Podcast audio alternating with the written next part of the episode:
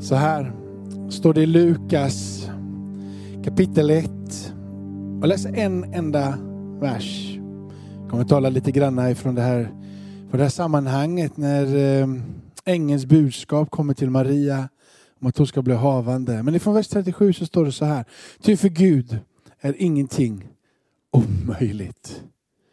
Um, för dig och mig så har vi olika saker som vi bär med oss som vi är bra på, som vi kan.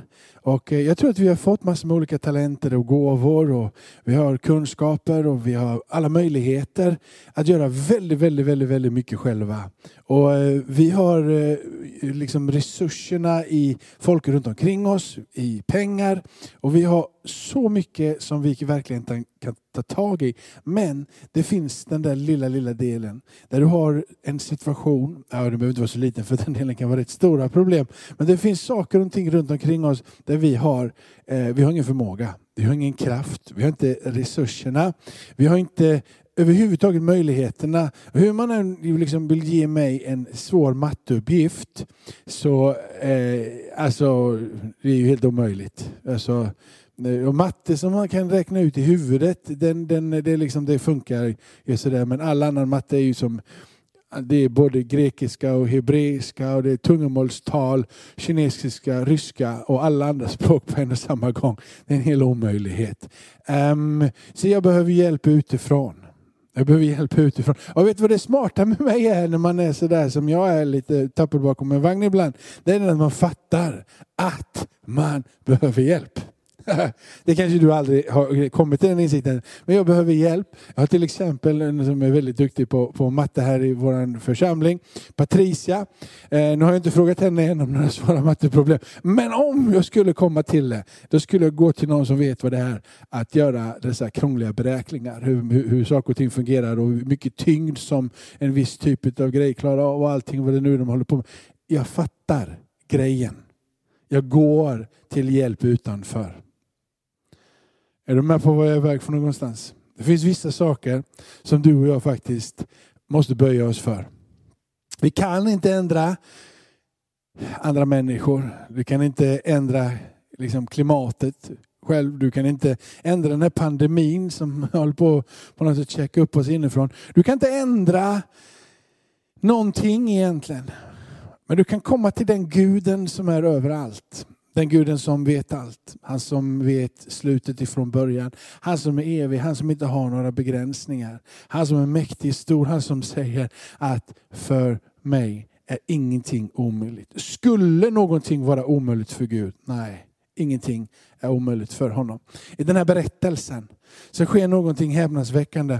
Den första, eh, eller ängeln som blir sänd ifrån Gud, står det i den här berättelsen. Ängeln blir sänd ifrån Gud. Ehm, bara det borde väcka din och min uppmärksamhet. Att antingen så är ju ängeln sänd ifrån Gud, eller så är det här bara en, en, en meningslös berättelse. En, eh, en legend, eh, en, liksom en, en story, en fantasy.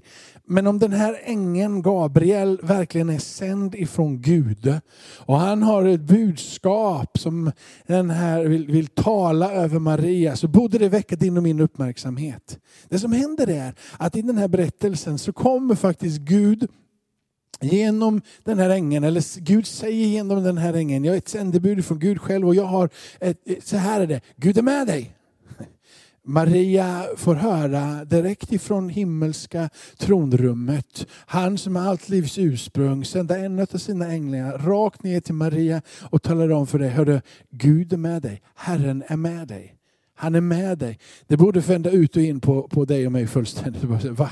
Eh, då betyder det, då blir allt bra. Nu har jag, kommer jag inte ha ett enda problem längre, för den allsmäktige levande guden är på min sida och han är med mig. Ingenting kommer hända. Helt enkelt, hon borde bli uppboostad som bara den och känna att det här kommer bli hur enkelt och hur bra som helst. Eller?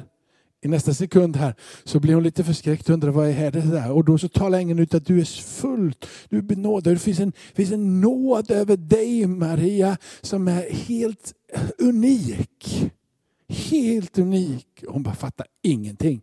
Vad är det som håller på att hända? ängeln talar ut att du ska bli havande. Hon bara, hur är det helt möjligt att jag skulle kunna få, få bära eh, eh liksom ett barn? Jag har inte rört för någon man överhuvudtaget. Hur ska det här gå till? Och så pratar ängeln och säger den heliga ande ska komma över dig och du ska föda en son och så vidare. En enastående berättelse. I samma andetag, för att på något sätt stadfästa det här i Maria, så börjar ängeln prata om att Elisabet, en släkting till dig, ser du, hon är också havande. Va? Hon som inte kunde få något barn, hon är också havande. Hon är havande och hon ska också föda en son. Och så möts de här kvinnorna senare. Och då händer någonting att det upplevs i Elisabets moderliv när Maria talar ut att barnet på hennes insida spritter till och andens närvaro är där. Helt plötsligt så känner de att det finns någonting av liv i det här. Maria efter det här, hon börjar prisa salig i hon prisar sig salig. Det står liksom om, om Marias lovsång vidare ifrån vers 46. Läs det lite senare här. Men innan detta händer i Maria, att hon sjunger ut den här lovsången, så har hon sagt och talat ut, och tagit emot, känt på det, smakat det, vågar liksom, ty för Gud är allting möjligt. Ty för Gud är allting möjligt. Det har sjunkit in på hennes insida. Det finns där.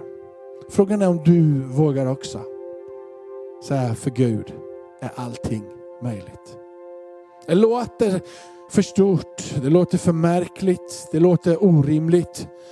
Men sanningen är den att vi vill inte ha ett 2021 som liknar 2020. Vi vill komma förbi det där. Vi vill bara säga Gud, vi fattar poängen. Vi kan inte göra någonting, men vi tror att du Gud kan göra allt. Stå där och kommer till en återvändsgränd om och om igen. Jag fattar poängen. Mattetalet som du har hjälpt mig är för krångligt, för svårt. Jag klarar inte av det själv, men jag har tillräckligt mycket ödmjukhet till att sträcka mig någon som kan lösa mitt matteproblem. Jag har tillräckligt mycket ödmjukhet att jag kan sträcka mig och säga Gud, för dig är alltid möjligt. Du har de resurserna som behövs för att stiga in i mitt liv och röra vid mig och räta ut mina krokiga vägar. Du vet att 2021 så vill Gud tala till dig. Han vill tala till dig specifikt.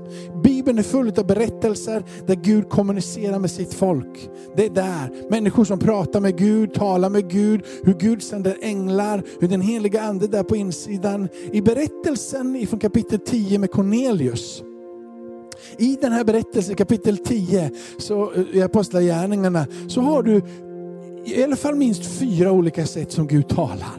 Han talar först till Cornelius genom en ängel. Till Petrus här talar han genom en syn och det kommer också en röst som talar. Och det är också så att när det knackar på dörren där nere så säger att den heliga ande talade till Petrus. Du vet, för Gud är allting möjligt. Du vet inte hur du ska gå, du vet inte var du är på väg.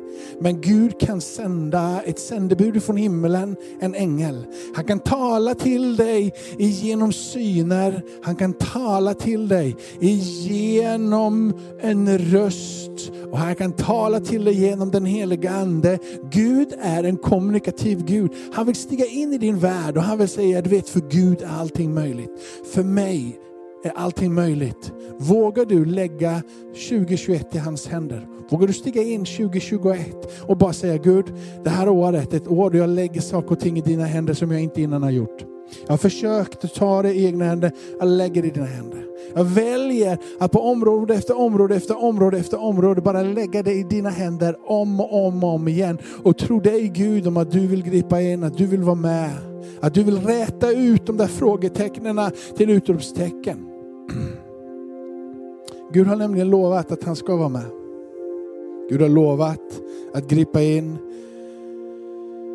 Hur kan du, liksom, Jakob, bara tro på de där bibelorden och berättelserna? Hur kan du bara ta det till dig sådär lättvindigt och på något sätt liksom bara pumpa upp liksom en, en, en glattig tro på det där?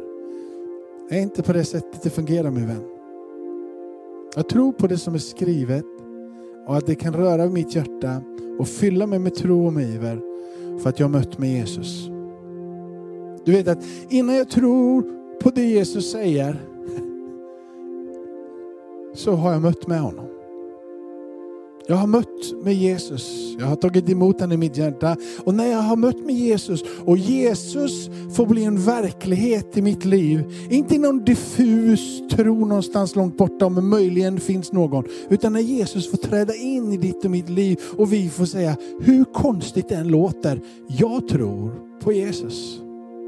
Jag tror att han är min frälsare, att han dog på korset, att han uppstod för min skull, att han nu vill vara min mästare, att jag ska följa honom.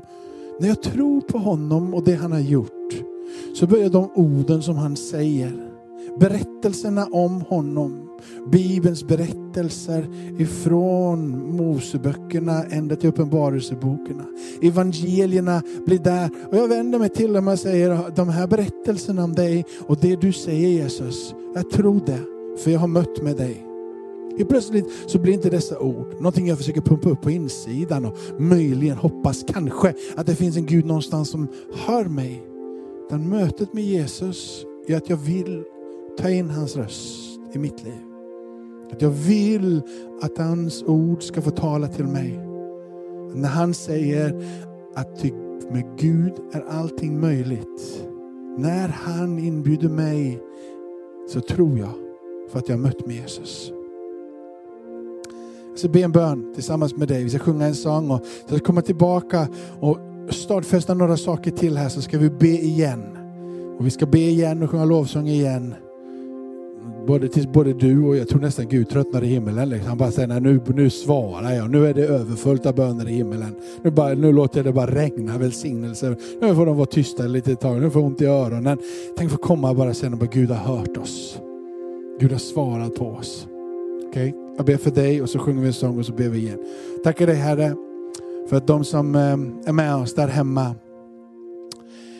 kanske slinkit in på den här liksom Youtube-kanalen på ett bananskal och undrar vad är det där för någon konstig kyrka i Göteborg som sänder. Och en liten hurtfrisk gubbe där och en liten blondin som sitter på pianot. Jag ber att du ville tala Jesus. Att du ville stiga in just nu i rummet Herre. Att så verklig som du är för oss här, att du ville bli det för min vän som lyssnar. Och du som lyssnar och du som är med i den här bönen behöver bara säga namnet Jesus. Inte krångligare än så. Bara säga Jesus kom in i mitt liv. Jesus blir Herre i mitt liv. Gud är med. Och han älskar dig. Han vill vara din frälsare och han vill vara din mästare sjunga en sång tillsammans och så fortsätter vi be vidare här.